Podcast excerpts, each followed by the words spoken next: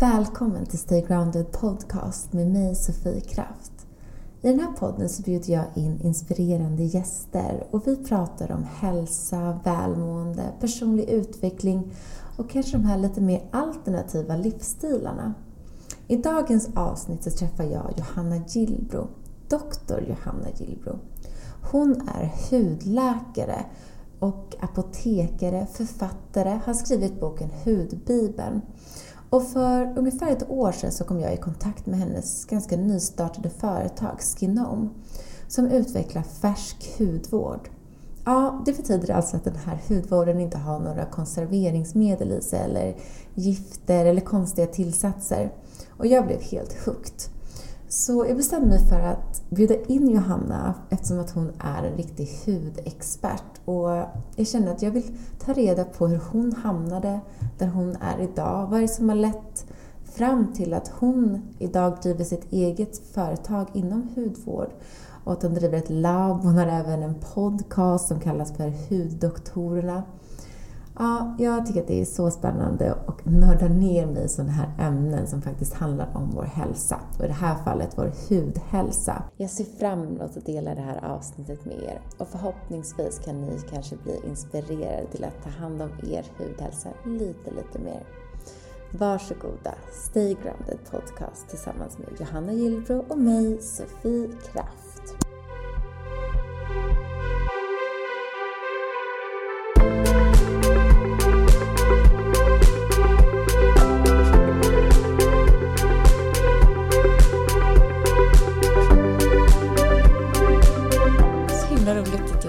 Johanna.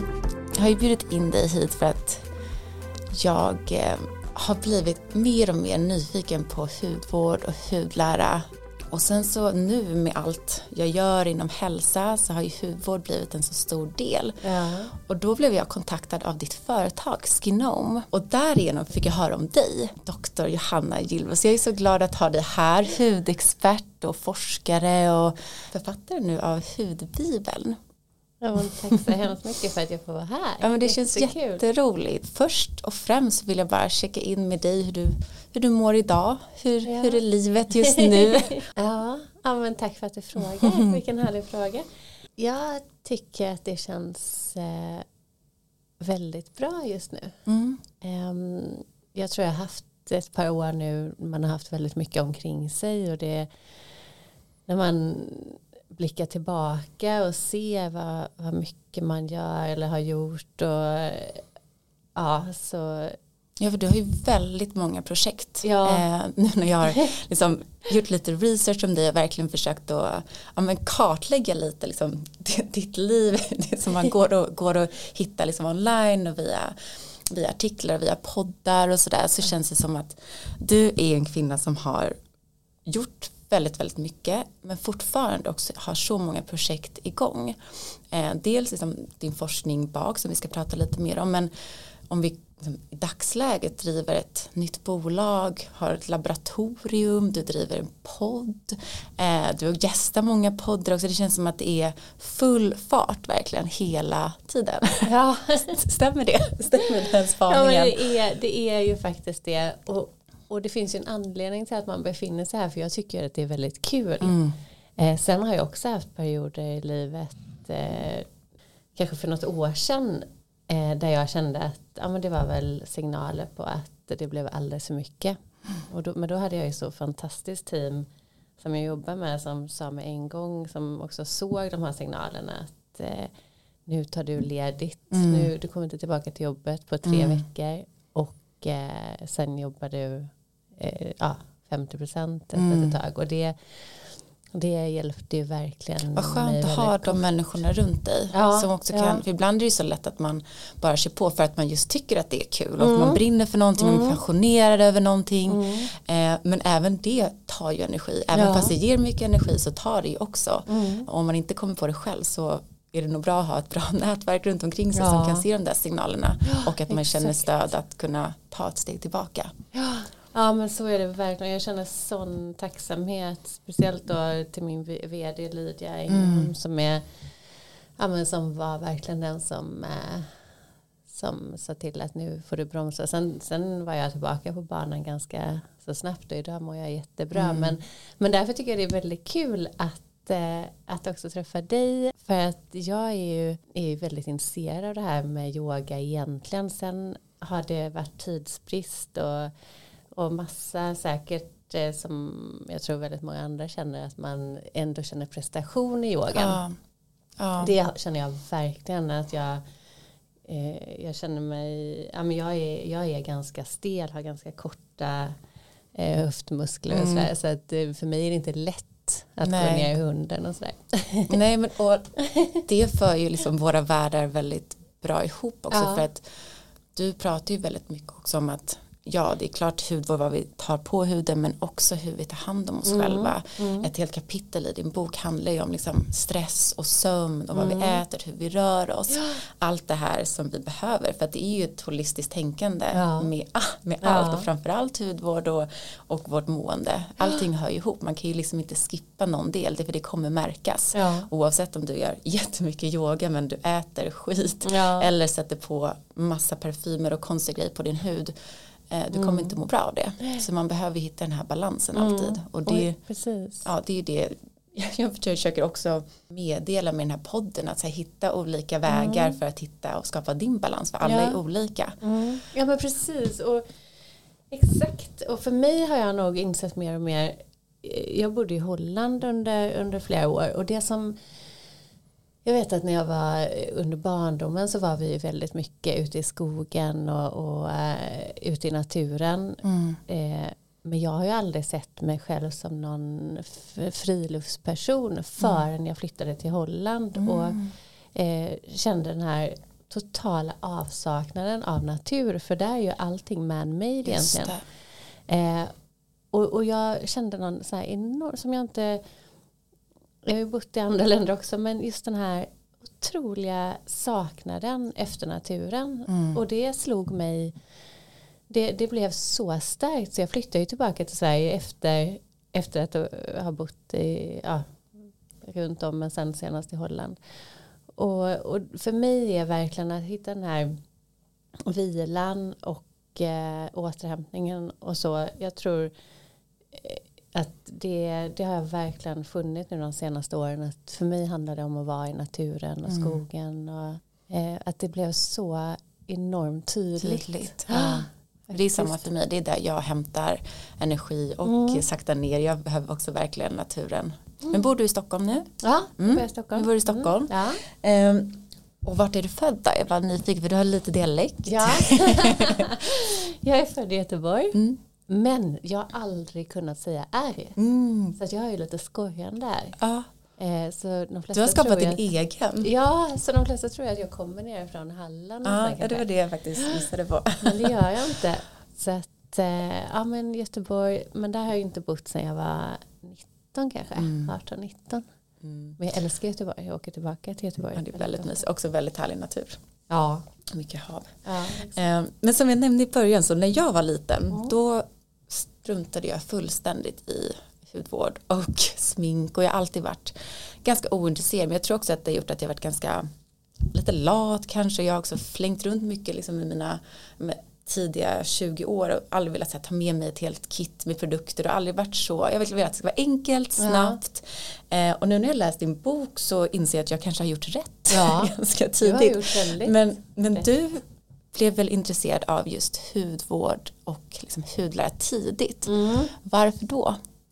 Ja, det är för att jag fick en hudsjukdom som heter vitiligo när jag var tre år. Mm. Och det började faktiskt med en fläck på magen. Eh, och, det är en pigmentsjukdom, ja, kallar man det sjukt? Ja, mm. det är en sjukdom som, en autoimmun sjukdom som eh, gör att man får vita fläckar på huden och det kan vara olika former. Den vanligaste formen heter vitiligo vulgaris och det innebär att du får vita fläckar väldigt symmetriskt så har du det på ena armbågen så har du det på andra armbågen. Mm.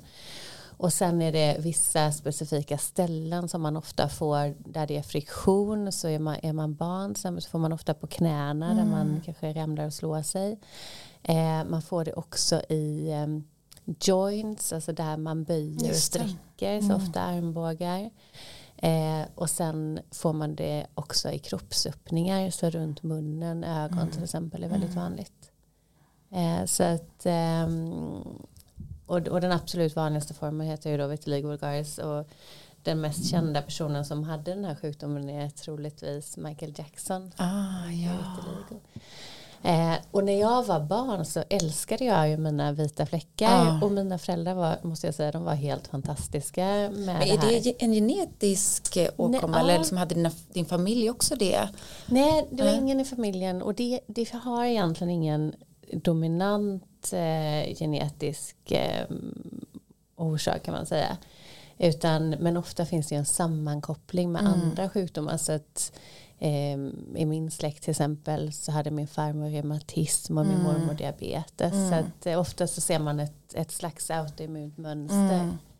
Eh, så det kan man se. Men jag som sagt, jag tyckte och, och mina föräldrar bara tog fram det här som någonting positivt. Mm. Att det var gulligt, såg ut som en liten hundvalp. Ja. vad fint, vad viktigt ja. att få det med sig ja. Eh, när man är barn. Och jag kan tänka mig att man kanske kan tycka att det är lite konstigt om man ja. inte ser ut som alla andra och sådär. Men att få med sig att du är unik och vad fint. Ja, ja mm. exakt. Och så var det verkligen. Och det, det är ett budskap som jag försöker ge till andra föräldrar. För jag kan ju komma till lite till min resa, vad jag, hur jag hanterade det och, och som sagt jag har bara positiva minnen av det som barn. Mm. Däremot när jag var tonåring så tyckte jag då, då kom man in en period när man vill vara som alla andra. Mm. Och det förändrades också för jag fick väldigt mycket i ansiktet. Ja. Jag sa det här med att man ofta får det kring munnen och ögon och det, det blev väldigt markant i och med att jag har så starkt pigment också. Mm. Blir det extra tydligt under sommaren till exempel? Ja, eller verkligen. Blir det, ja. Absolut, så under mm. sommaren blir det väldigt markant. Då började jag tycka det här var väldigt, väldigt, väldigt jobbigt och sökte i princip alla behandlingar som fanns mm. då som 17, 18, 19-åring kanske. Så jag använde ju kortikosteroider, jag använde eh, UVB-terapi, alltså ett eh, ljusterapi, mm. solarium. Um, och jag gjorde till och med en transplantation av normal hud till oh, wow. Och det gjorde du tidigt alltså? Ja. Nu när du har all den här kunskapen som du har idag, mm. gjorde du rätt? Eller har du lärt dig helt nya? För jag tänk, kan tänka mig om man bara liksom googlar och söker, hur ska jag göra? Ja. Så finns det säkert mycket rätt information, men jag tror det är svårt att sålla också ja. om man inte har den kunskapen och bakgrunden som du har idag. Men nu när du har din liksom, doktorskunskap bakom, mm. kan du gjorde du rätt? Fanns det mycket information att ta och liksom lära sig själv och alla de här behandlingarna? Var det, var det bra? Ja, jättebra fråga. Mm. För jag tror där att jag, gjorde, att jag gjorde precis som alla andra gör. Mm. När man mm. har ett, eh, när man söker efter information. Och, och jag hade ingen kunskap då så jag litade ju. Ja, för... som man ofta gör. Ja. Det är det första man gör. Ja. Man googlar, hur ska jag, jag ser ut så här, vad ska jag göra? Ja. Fast alla har ju alla har ju sin unika hud och alla har ju mm. sina unika mm. åkommor. Mm. Exakt, um, exakt så. Så att eh, nej så det ja och jag vet vad alltså det här är ju vad är det här 25 30 30 år sedan nästan mm. så det fanns ju internet hade ju precis eh, kommit jag kommer ihåg eh, Yahoo var det ju då man det ens Google för mig. Men, eh, men lite information fanns ju och, och jag också, man, det fanns ju mycket så kosmetiska lösningar. Mm. Eh, som eh, jag beställde vet jag från Indien och sådär men det var ju allt, alla behandlingar kan jag säga sammanfattningsvis gjorde det, det hela mycket värre. värre ja. eh, också speciellt den här transplantationen som gjordes i Uppsala av ett eh, vid Akademiska sjukhuset mm. eh, av forskare som hade forskat på vitiligo i många år men det blev också bara värre och det kan man tänka det kan jag förstå nu med den kunskap vi har ja. nu att slipar du bort hud eh, i och med att man är så känslig mot friktion och, och mekanisk stress på huden så blir det ju värre då skapar ja. det ju massa stress i huden ja.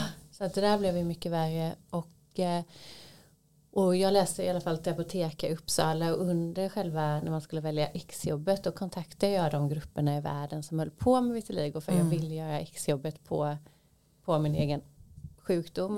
Mm. Eh, och då var det en engelsk grupp som, som svarade att jag kunde komma. Och då gjorde jag faktiskt exjobb och sen, som sen blev doktorandtjänst. Så att jag doktorerade också på min egen ah, sjukdom. Vad spännande och vad perfekt att vara lite sin egen försökskanin. Ja, det liksom... var det men det är egentligen, det, det måste jag säga här i den här mm. eten här, mm. att eh, egentligen så är det ganska oetiskt ah, okay. som eh, att där får man ju vara lite försiktig hur, hur mycket man eh, laborerar på sig själv. Ja. Jag har ju gjort det. Ja. Men, men forskningsmässigt så är väl kanske inte det mm. det man mm, Nej jag förstår. Mm. Ja. ja, och men då, det var då allting drogs igång då och sen har du fortsatt. Eh, du blev apotekare. Vad, vad, vad, hur tog du vidare därifrån sen? Ja, sen flyttade jag till England så doktorerade jag där och Eh, då hade vi projekt i både England och Jordanien faktiskt. För man såg mm. att Döda havsvattnet. Just det, är, det här ja. är så spännande. Ja. Det är ett kapitel i din bok också lite grann om den här behandlingen du gjorde ja. i Jordanien. Berätta om den. Mm. Så vi utvecklade då en kräm som, som delvis är ganska likt Döda havsvattnet i och med att den innehåller två mineraler, mangan och kalcium. Och eh, och, och det här såg vi då den här krämen den minskade oxidativ stress. Och oxidativ mm. stress är väldigt prominent då i, eh, i vitiligo huden till och med ja, men hela huden. Men då när man tänker på balans så är faktiskt det också någonting positivt. Så det kan, mm. kan man säga då till, för det är väldigt många personer som lider av vitiligo. Jag brukar säga det att den här oxidativ stressen eh, som man har den eh, har man eh, också till, väldigt, ja, till en liten del i systemet. Mm. Eh, alltså inne Så den kan man aktivera lite då? Det aktiveras mm. precis genom den här oxidativa stressen. Mm. Eh, så man har ju förhöjda nivåer egentligen, förhöjda koncentrationer av väteperoxid som är en, en, eh, en oxidativ radikal kan man säga, en oxidativ molekyl. Mm. Och eh, eh, tittar man på obehandlade patienter som nästan alla vitiligo-patienter är eh, då ser man att man har minskad risk att få cancer och det gäller mm. inte bara för, for, jag har ju alltid också växt upp till att eh, du måste skydda dina fläckar för du kan få melanom ja. i och med att man inte har något skyddande pigment men det visar man nu att så är inte fallet utan tvärtom vi har minskad risk att få mm. melanom mm. och även andra cancerformer så där finns det en ny studie nu som har, som har ja, verkligen tittat på detta. Jag tror man har ja, tittat på över 3000 personer så det är en stor studie. Tycker du att generellt att det finns mycket forskning på hudvård? Hudvård är ju så stort idag och kosmet, alltså kosmetika, ja. det är ju ett sånt, det är ju till och med mångas hobby att ja. liksom hålla på med det här. Eh, tycker du att det finns mycket forskning kring det nu? Nej, det och det ska man verkligen komma ihåg att när det kommer till en normal hud och ofta fokuserar man ju då på ålderstecken och hur man kan begränsa ålderstecken och sådär. Mm det ska man komma ihåg att de här studierna som är gjorda det är skulle jag säga 99,9 procent så är det företagen som gör sina egna studier. Ja. Och eh, så det är ju all kommunikation kring hudvård och forskning äger ju hudvårdsbolagen. Just det. Och, det, och i och med att eh, att industrin bara växer och växer. Mm. Så uh, det kan man ju prata om nu också i med den ekonomiska situationen så är det ändå kosmetik och hudvård som går bättre och bättre. Precis, och det, det är det folk lägger pengar på nu och det, det, är det. det är därför jag också tycker att mycket av dina men det har ju till och med några budord i hudbibeln. Eh, att less is more, att vi inte mm. behöver så mycket. Det ser man ju även i den hudvården som ni har utvecklat med Skinom som vi också ska prata om. Mm. Men gud vad spännande, den där Jordanien-grejen låter ju otrolig.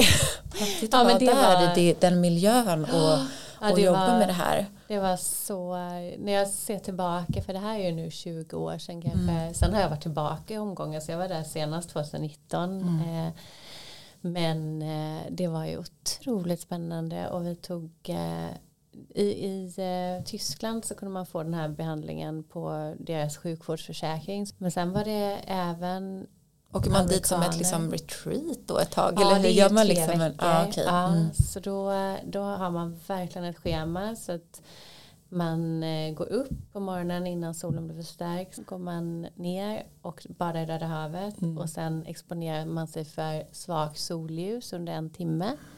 Och det här är ju då ja, innan klockan åtta på morgonen. sen på eftermiddagen, kvällen är det samma sak. Så mm. bada i Röda havet och sen exponera sig för lite svagt solljus för att eh, stimulera pigmentering. Och sen är man där under tre veckor och och det är såklart inte alla som kan ta sig den. Vi hade ju patienter som tog med hela familjen eller mm. sina barn. Och vi hade också barngrupper. Och det, så att när jag var doktorand då, då fick jag, dels hade vi forskningsprojekt där. Mm. Så vi tog, eh, vi tog blod från patienterna och isolerade lymfocyter för att titta på om de hade den här oxidativa stressen. Mm. Och vad som hände med oxidativa stressen då är de här lymfocyterna ehm, efter tre veckors behandling. Så det var ju otroligt mycket forskning också.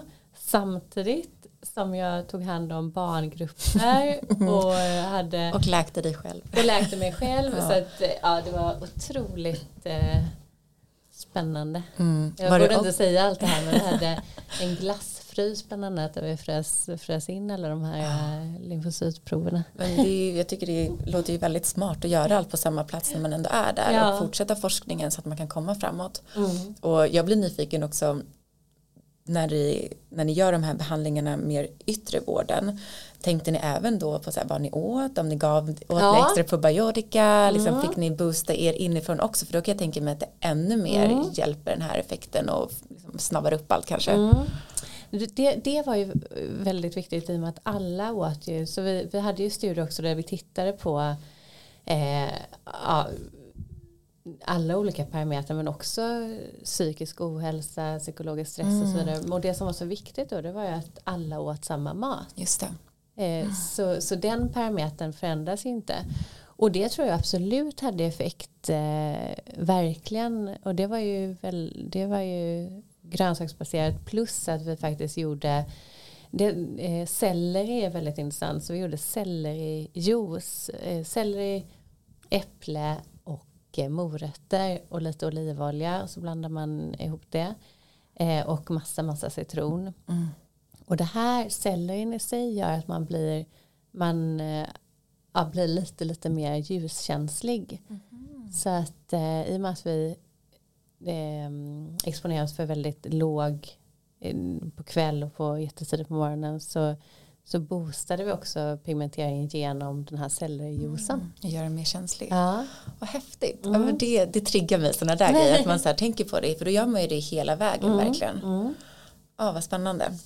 Eh, och, och sen så blev du frisk efter det då eller har det fortsatt? Är det en ständig tar du fortfarande hand om den vitaligon eller är det liksom organ. Ja, nej, utan jag behandlar mig fortfarande mm. eh, med, eh, det är ju en kräm som man tar på hela hudkostymen egentligen. Mm. Eh, och sen gör jag det inte lika ofta. I början, första året, så är det ju morgon och kväll. Mm. Eh, och sen exponerar du det för lite UVB-ljus. Eh, men eh, nu gör jag det mycket mer sällan bara för att hålla det i, i schack. Mm. Men det har man sett att patienter som slutar tvärt då kan ju vitamin komma tillbaka. Komma tillbaka. Mm.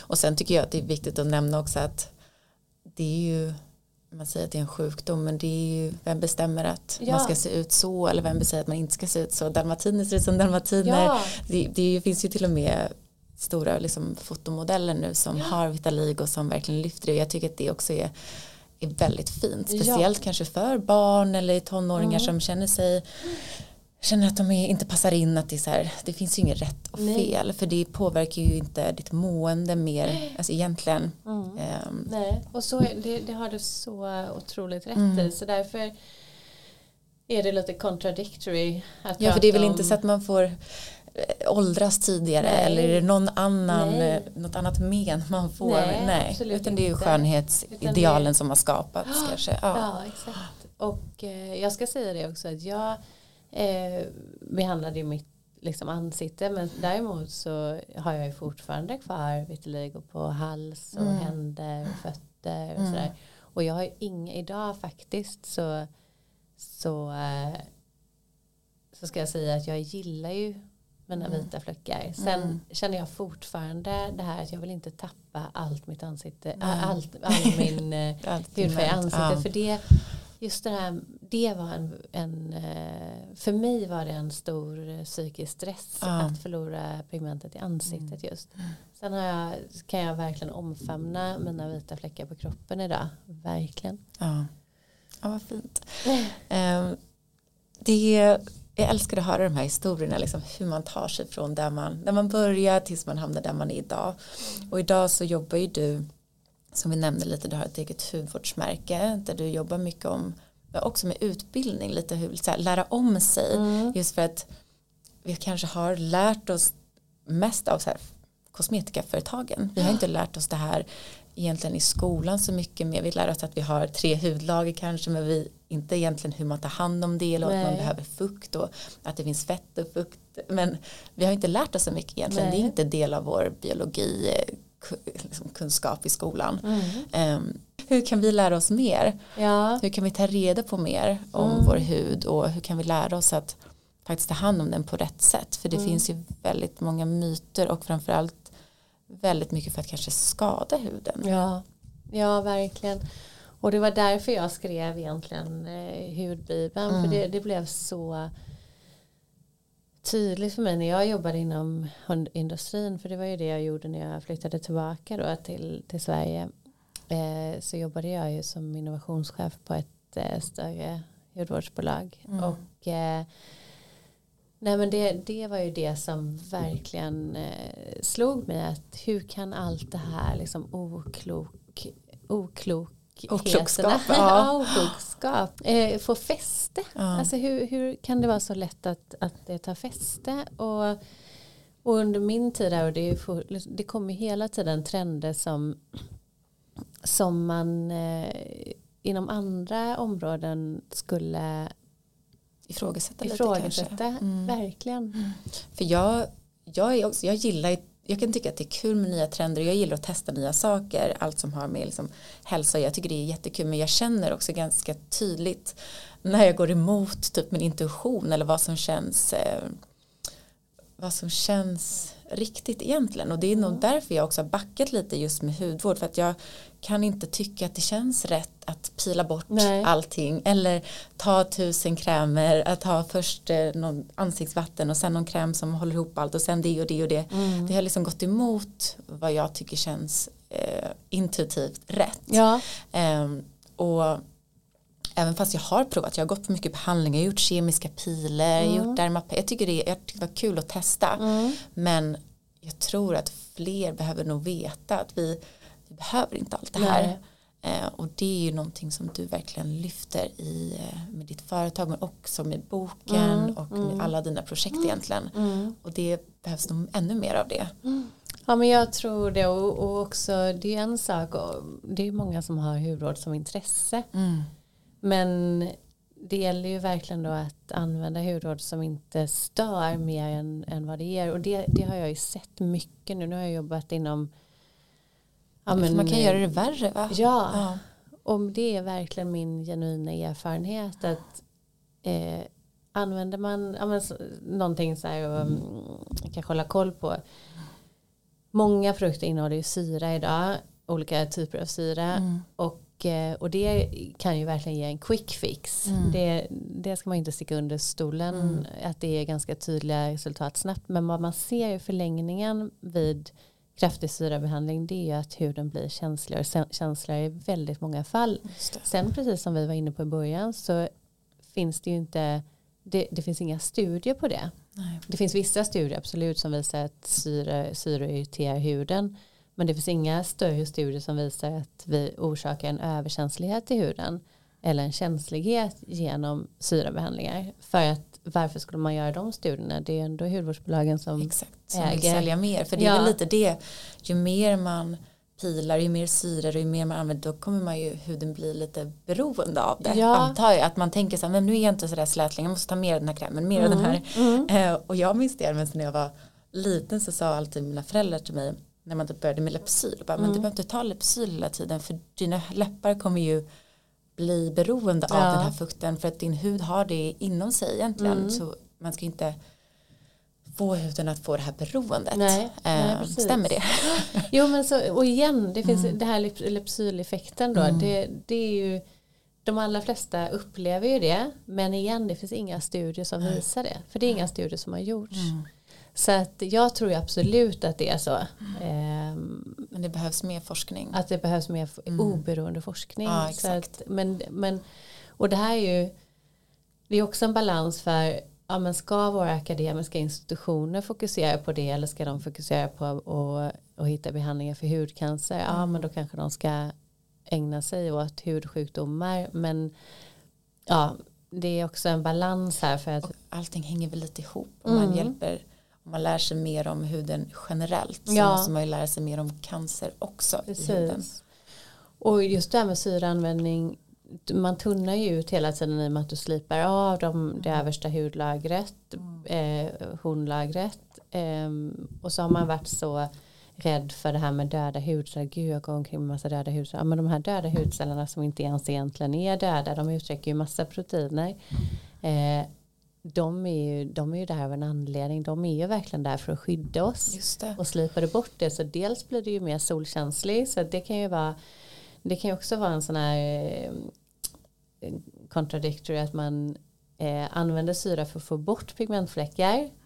Men du gör det också mer ljuskänslig så mm. du kan orsaka hyperpigmenteringar. Det. det. är ju väldigt, väldigt vanligt, ja. det ser vi mycket av. Och sen även så ser jag mycket, eh, tycker jag, eh, på vårt labb till exempel människor som använt mycket syre att man, man ser ju verkligen irritation under huden. Just det, kanske inte första laget man ser om man går lite ja, djupare. Mm. Exakt, men det är inte någonting man ser visuellt men, men absolut så att så det där skulle jag verkligen vara försiktig med. Mm. Um, ja, för du pratar ju också mycket om om hudens liksom, bakterier och det här mikrobiomet ja. som vi har och det mm. känns ju så himla spännande. Mm. För det var liksom en reminder för mig när jag läste din bok att ja men det är väl klart att huden är massa levande organismer. Mm. Det är ju, allt är det men det är ju det finns ju hur mycket bakterier som helst på ja. oss och skadar vi oss mer då när vi liksom tvättar och tvättar och tvättar kanske egentligen borde då tillföra. Mm. Um, så hur tänker du med mikrobiomet hur man ska ta hand om sin, sin hudhälsa ja. i det sättet?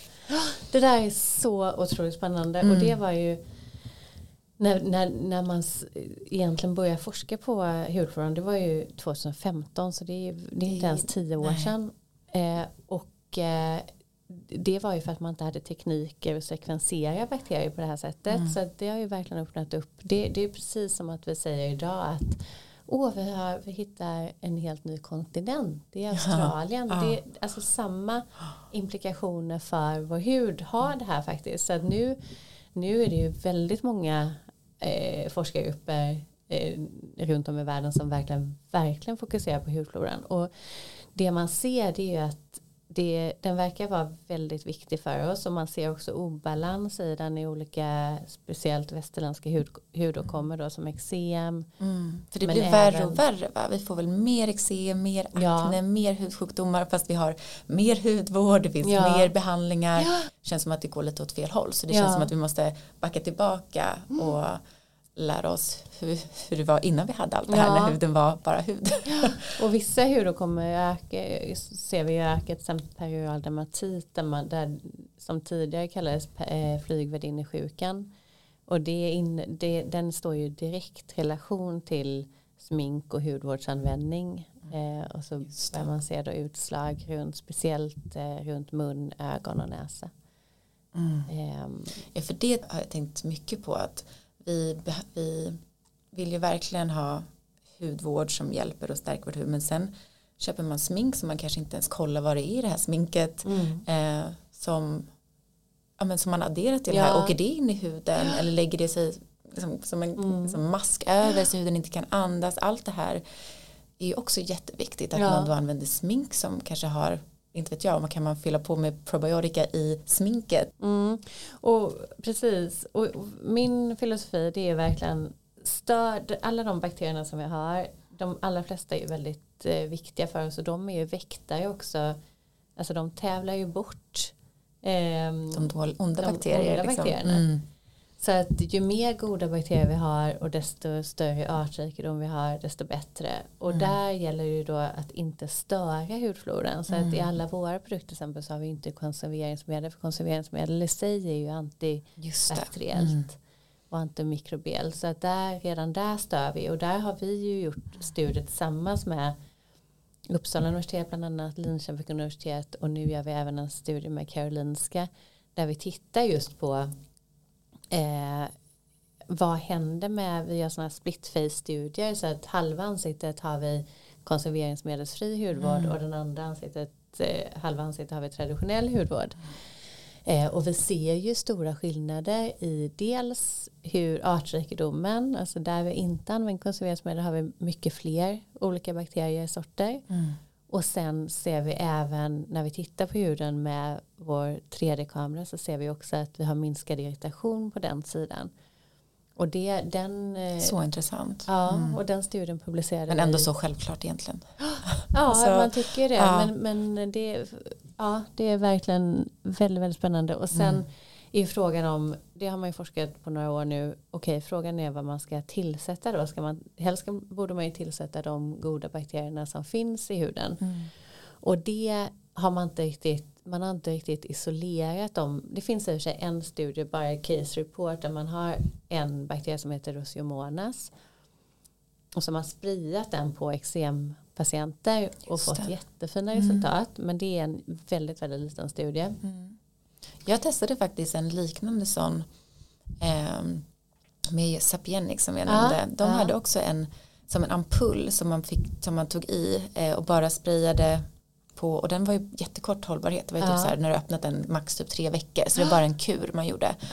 Men jag tyckte det lät så häftigt och spännande. Mm. Jag brukade kalla det så här, nu tar jag min kombucha, kombucha för min ja. hud liksom. Ja. Um, och det är spännande att det börjar växa. Det känns som att kul att det sker mer forskning på det ja. uh, och jag hoppas att fler vågar testa det för jag tyckte det var jättebra. Um, och det kändes också intuitivt rätt att, så här, men att, addera det uh, som vi gör med dricka kombucha eller äta ja. kimchi eller vi fyller ju på med sådana här goda bakterier i vår tarmflora ja, så varför inte göra det i vår hudflora också. Nej, exakt. Och ni har liknande i era produkter också, eller hur? Ja, vi har, eh, vi har lactobacillus, lactobacillus reuteri som är en mjölksyrabakterie som är ursprungen då från bröstmjölk faktiskt. Mm -hmm. Så den kommer ju från kroppen. Mm -hmm. eh, och den här bakterien, den, man tog ju den från en kvinna så för 40 år sedan och sen har man kultiverat upp bakterien i stora wow, tankar. Wow, vad häftigt att det går att göra ja. sånt. och den har vi verkligen sett effekt. Där har vi gjort kliniska studier, bland annat en med Uppsala universitet, där vi har sett att eh, på tre veckor så fick man bättre hudtextur, mindre eh, porer och även eh, och det har vi inte riktigt eh, det blev vi väldigt förvånade att se. Vi fick eh, minskade fina linjer och rynkor på mm. ungefär en månad. Statistiskt signifikant i bara en liten studiepopulation på 20 personer. Så, så det blev vi väldigt förvånade över. Men nu har det kommit en annan forskargrupp som har sett liknande effekter. Den här eh, ja, men, eh, antirynkeffekt då, mm. med en annan bakterie som heter Lactobacillus plantarum. Så att eh, det, och exakt mekanismen bakom det, det förstår vi fortfarande inte men det, det, men det behövs ju forskas på det så det är ja. jättefint att ni har börjat och jag, jag är ju helt såld på era produkter, jag tycker ja, de är kul. så bra uh, och jag har använt dem i ett år.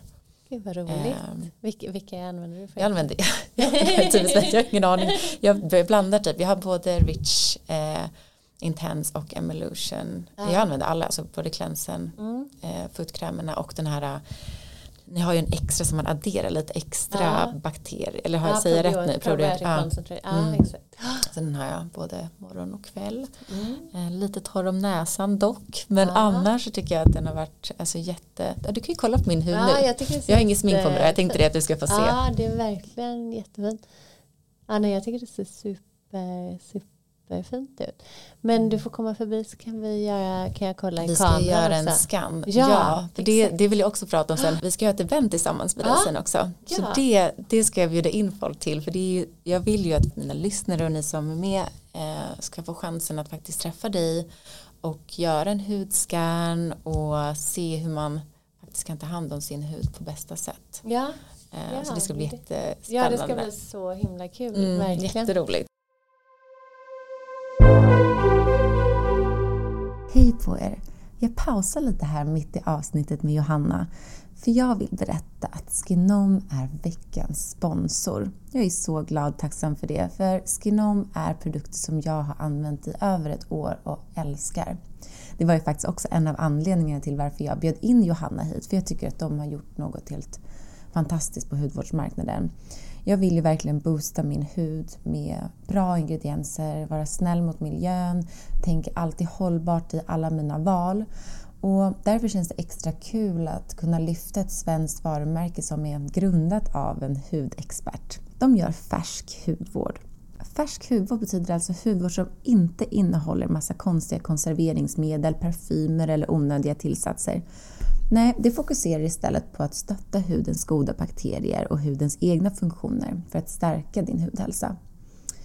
De innehåller en stor del hudegna ingredienser, vilket är substanser som huden producerar själv och därmed kan stötta hudens egna system. Deras produkter tillverkas även i små volymer med kortare hållbarhet och de ska förvaras kylt, precis som med färsk mat. Så har inte ni testat Skinom så tycker jag att det är dags att göra det. Med koden STAYGROUNDED så får ni 20% på hela deras sortiment. Jag är jättetacksam för det här samarbetet eftersom att jag själv är ett Skinom-fan och har varit det senaste året. Jag tycker det är så viktigt att vi tänker på vad vi applicerar på vår hud. Det är faktiskt vårt största organ och det är dags att vi lär oss mer om vår hudhälsa. Så kom ihåg, Stay Grounded ger dig 20% på hela Skinoms sortiment. Och nu ska vi lyssna vidare på Johanna. Varsågoda.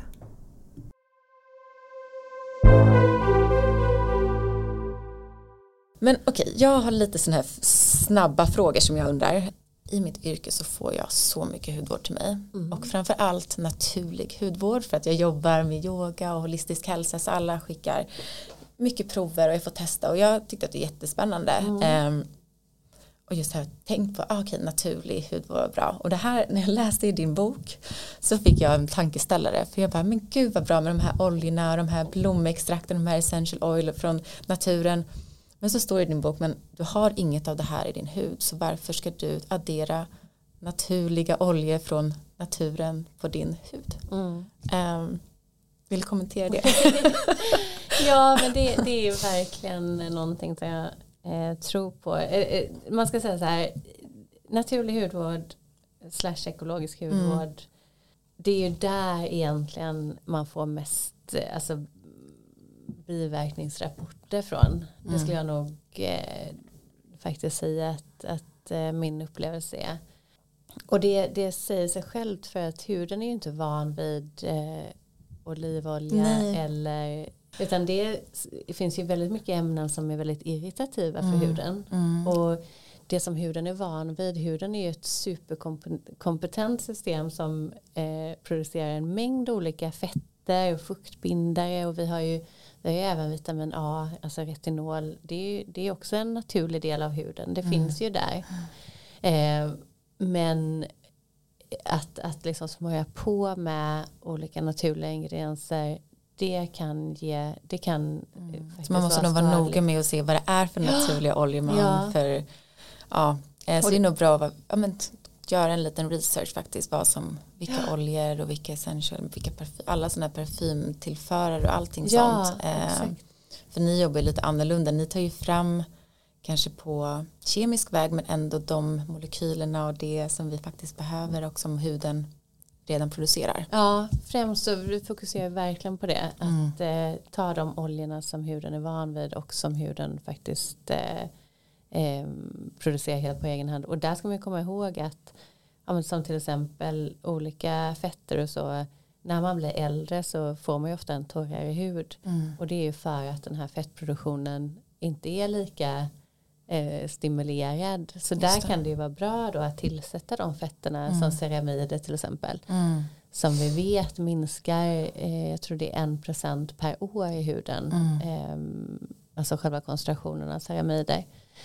Så det där, det där tror jag verkligen på. Ja. Att, eh, att arbeta med hudens egna substanser. Ja, men det makes ju sense. Mm. när jag läste det jag bara, ja självklart. Eh, men sen har jag också en, alltid hört att, att det du ska ta på huden ska du även lika gärna kunna äta. Ja. Att det känns viktigt att så här, vårt stora organ, det åker in i vår hud, det åker in i vårt kropp, i vårt system. Um, tycker du att det stämmer? Ska vi kunna äta allt vi tar på huden? Typ Nej. kan vi äta din hudvård? nej, jag, för det är så um, Ja, nej men, men det där stämmer ju oftast inte för till exempel Alltså tittar man på ekologiska eh, produkter eller hudvård det är ju väldigt jag skulle absolut inte rekommendera att man ska äta de produkterna och det ska man också komma ihåg att det är inte speciellt eh, det, de är fortfarande också konserverade för att de ska kunna vara i rumstemperatur och. Det. Och, mm. och det är otroligt märkligt att just vissa konserveringsmedel får använda ekologisk hudvård och de här konserveringsmedlen har väldigt mycket eh, rapporterade adversa reaktioner som till exempel kaliumsorbat. Mm. Det är ett sånt eh, konserveringsmedel som av någon konstig anledning då får användas i ekologisk hudvård. Mm. Eh, eller eller det, bensensyra, mm. alltså för olika bensater får också användas i ekologisk hudvård. Så det, det hela, hela det här eh, träsket är väldigt, väldigt, det är lite High Chaparral ja. skulle jag säga. Och det handlar Tur att du håller på att styra upp det här nu. Vi behöver dig. Ja, ja, och det här med att äta, eh, alltså mag, mag-tarmslemhinnan eh, i magsäcken så bryts ju allting ner på grund av vår magsyra. Just det. Mm. Och sen så fraktas väldigt, väldigt små molekyler ut. Så, till resten. Mm. så just att, eh, att man ska kunna äta kollagen till exempel och så ska mm. det komma ut i huden. Mm. Det stämmer inte. För det känns som att det är det, det man pratar mest om, att man vill ha fukt, mm. eh, fukt och fett, ja. eh, men att kollagenet, att man behöver det när man fyller på, eller att det ska kunna byggas mer kollagen när man blir äldre, eh, och vitaminer, vissa så här C-vitamin, A, D. Mm. Mm. Har du några sådana några enkla eller tips som vi behöver ja. behålla en fin hud mm. så länge som möjligt. det man ser i studier som verkligen påverkar alltså, förebyggande för åldras det är ju eh, det är ju dels en fuktkräm mm. eh, det ser man verkligen att det långsiktigt ger en bra effekt eh, och, och, minskar då eh, förebygger eh, ålderstecken egentligen och även solskydd på sommaren eller när det är sol ute mm. Eh, det är de två viktigaste faktorerna eh, när man tänker på åldrande, åldrande. Mm. Eh, och sen, men sen tycker jag att ja, men fuktkräm är fukt och fett precis som du säger. Då gäller det att ha bra fuktbindare som till exempel det finns ju allting från olika sockerarter till eh, urin, ett urinämne, urea till exempel mm. som också binder fukt väldigt väl eller olika salter. Eh, och sen, men sen finns det också andra substanser som olika vitaminer som man har faktiskt har sett ger eh, bra resultat. Och där vitamin A är ett sådant exempel. vitamin A-syra användes ju börjar man ju använda, jag tror på 60-talet någon gång för akne. Och det använder man ju fortfarande mm. idag som läkemedel, vitamin A-syra för man, många känner igen det kanske som isotretionin eller tretionin. Och, ehm, och där, det som rapporterades i de aknestudierna det var ju att eh, patienterna tyckte att de hade fått mycket färre rynkor. Mm. Så det, häng, så, eh, det liksom hängde ihop på något ja, sätt? Ja, precis. Det... Och sen har man gjort studier då. För då fick man inte använda vitamin A-syra i och med att det klassas som läkemedel. Så då mm. börjar man använda vitamin A som är byggstenen till vitamin A-syra. Och där såg man ju effekter på ålderstecken. Dels pigmentering men också rynkor. Så det, det skulle jag säga är en substans som uh, som uh, har väldigt bra effekt för aknedrabbad mm. hud men även om man vill uh, behandla rynkor mm. och, och kan man, kan man boosta det också då genom att kanske äta mer sån vitaminrik kost? Hjälper ja, det också då? Precis, nu lagras ju vitamin A i levern så man avråder mm. egentligen från för hög koncentration mm. av vitamin A men betakaroten mm. ger ju ett långsammare morötter va? Ja precis ja. Så det, kan man, det tycker jag man kan äta mm. mycket betakaroten. Mm. Det tycker jag var roligt i din bok också att du har lite små recept. Mm. Eh, några små ja, smoothies och juicer som man kan boosta huden med. Eh, vilket är bra bara extra att kunna ge det lite snabba, snabba Ja. vitaminer om man gör det. Eh, Ja, och det, många av de juicerna, eller vissa av dem eh, använder ju vi faktiskt i Jordanien som Mm, det. komplement till behandlingen. Eh, och det är, ska jag säga, en, eh, en väninna till mig som heter Karin Magnusson som var med mig och skrev, hon är dietist. Mm. Och det är hon som gjorde recepten och räknade på alla eh, ja, vitamininnehåll och, och allt, eh, allt innehåll. Hur Mm. mycket, till exempel hon har ju räknat på hur mycket hur många paranötter behöver vi äta för att få tillräck- tillräckligt med zink till exempel.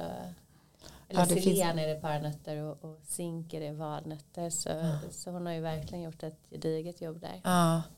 ja, och det är bra att lära sig då, då vad vi behöver för att boosta huden också. Ja. För vi är ganska duktiga på att veta vad vi behöver för att må bra i kroppen Mm. och att vi, hur vi håller vår energi. Eh, Men då kanske man ska ta en liten extra koll och lära sig just om, om vad som får huden att må bra och just Ja. din hud. Ja, Och Ofta. göra scan kanske. Det är ju spännande om man då kan göra det hos er. Det finns väl kanske fler företag också. Men att komma och göra och lära sig om just din unika hud. För Ja. det måste ju se då ganska tydligt vad man har brist på. Eller vad man kan justera i sin kost. Och, Ja, oftast är det ju, alltså vi som, det ska man komma ihåg också att vi, du och jag till exempel och de allra flesta i Sverige har ju inga bristsjukdomar. Vi, har, vi äter ju, Mm. får ju en, oftast en ganska varierad kost och, och då behöver man ju egentligen inte extra vitaminer och sådär. Men det kan ju vara bra att, att verkligen försöka att äta den maten som är innehållsrik på. Mm. Istället för en massa kosttillskott. Ja, eller? exakt. Det tror jag verkligen på. Men det tror jag också. Eller äta så, så varierat Ja. och näringsrikt vi kan. Ehm, Det börjar bli så vanligt med mer estetisk, eh, estetiska behandlingar och liksom botox och fillers och allt det här. Och det undrar också hur, hur påverkar det vår hud egentligen och vad tar vi med oss in i kroppen? Ehm, Hur ställer du dig som hudläkare till det? Men till de typer av behandlingar? Mm. Ehm, Är det farligt för huden eh, med fillers eller botox? Det kanske är olika ja, för hudhälsan. Ehm. Liksom, hälsan. ja, här kan vi prata väldigt mycket om. Vi kan inte, ett till, ett till avsnitt. Ja, exakt. Mm. Men eh, varför det är så här och vad Exakt, varför inte bara förhålla sig fred. Alltså det där kan man ju prata Ja. om hur mycket som helst. Men, eh, men Men om man bara säger, är det farligt för vår hudhälsa? ja, jag Om tror inte att hyaluronsyra, alltså fillers, Mm. Eh, sen står jag absolut inte bakom det. För jag, jag, ja, men men eh, hyal- hyaluronsyra är ju verkligen en, en molekyl som finns helt Finns naturligt i huden Mm. och bryts ner och sådär. Eh, sen kan ju själva injektionstillfället och så, det kan ju Mm. skada huden Mm. eller att man gör någonting konstigt just Mm. då när man injicerar. Men, eh, och sen botox skulle jag säga, det är, det är ju som vi alla vet ett nervgift. Mm. Eh, och det används ju extremt mycket nu och kanske de senaste åren. Och vad det får för långsiktiga effekter, det, det kan inte Det kanske vi inte heller har så Och mycket forskning nej, på Nej, det har vi inte Nej. heller forskning på alls. Mm. Men man avråder ju absolut gravida från att göra botox-injektioner Mm. under graviditet till exempel och amning. Så jag skulle nog säga att vi vet för lite, Vet för lite, om ja. botox. eh, Ja men det är, det det än en gång till så kommer man ju eller känner jag att vi behöver så mycket mer kunskap om Ja. det här området. Ja. Eh, För att det är ett ämne som folk älskar. Mm. Hudvård, Mm. kosmetik. Det är som ett som trendar verkligen. Mm. Och väldigt ungt i ålder också. Ja. Eh, Jag tycker att det kan vara jättehäftigt att se hur folk är jätteduktiga på makeup och allt sånt där. Men man kanske behöver lite mer, eller vi behöver mer forskning för att Mm. se vad det är för långsiktiga Ja, verkligen, konsekvenser. Verkligen också att man ser helheten istället Mm. för för det ser vi också mycket att man blir när man fokuserar på, på de här behandlingarna och kanske bara liksom stirrar sig blind på ett område i ansiktet och så fixar man till det där och så, men sen tittar man på helheten. Mm. Alltså det, det tror jag är, är viktigt att man att man börjar se mycket mer till helheten. Ja, verkligen. Ja. Och att man kanske börjar ta hand om sin insida och helheten men genom det här mm. som vi pratar om bra sömn, mm. bra kost, mm. träning, ja. göra saker du tycker om. Jag tyckte det var så fint i boken också hade skrivit eh, det här lyck, lycko hormonet oxytocin, att liksom kramas, vara nära, mm. umgås, att mm. även det kommer påverka i det långa loppet din hudhälsa. Ja, eh, det är en jätteviktig, ja. Eh, det är viktigt att komma ihåg det. Att och det finns ju ingen quick fix riktigt för, för din hud utan försök att må bra hela, ja, hela du. Ja, och det ska man verkligen komma ihåg att huden är ju ett, ett organ som vilket annat som helst. Och där finns det ju verkligen ett begrepp som eh, som faktiskt har vetenskapligt stöd och det är ju skönhetssömn. Att eh, där ser vi att melatoninet som ökar liksom under eh, mörkrets timmar att det faktiskt har en väldigt eh, potent effekt för huden. Just det. Så ja. att skönhetssömn och det, eh, det, det finns på riktigt alltså, det, det behöver finns. vi. Ja. Absolut. Gud. Ja, alltså det finns så mycket man vill prata om. Det här är ett så intressant ämne och jag eh, skulle jättegärna vilja bjuda tillbaka dig hit och fortsätta. Ja, ehm, för jättegärna tillbaka. Vi ska ju få också komma på event hos dig på Skinome och om ni som lyssnar är sugna för att jag kommer ju släppa det här tänkte jag precis helgen innan så kommer vi få besöka er på Skinom och vi kommer få gå in i labbet, vi kommer kunna göra en hudscan och få ställa ännu mer frågor till dig. Ja. Så det känns så himla härligt att även bjuda in de som lyssnar att få chansen att faktiskt ställa sina egna frågor till dig. Ja, det ska bli jättekul. Mm. Ser verkligen fram emot Ja, men stort tack att du har tagit dig tid att komma hit och ja, det, du har öppnat mina ögon. Jag har lärt mig en massa nytt och jag vill fortsätta lära mig. Det är det som känns extra kul, att det känns som att det finns så mycket och vi behöver den här kunskapen för att ta hand om oss eh, på ett holistiskt sätt. Ja, men jättekul att, du, att jag fick komma hit mm. och prata. Mm, stort tack. tack. Tack så mycket.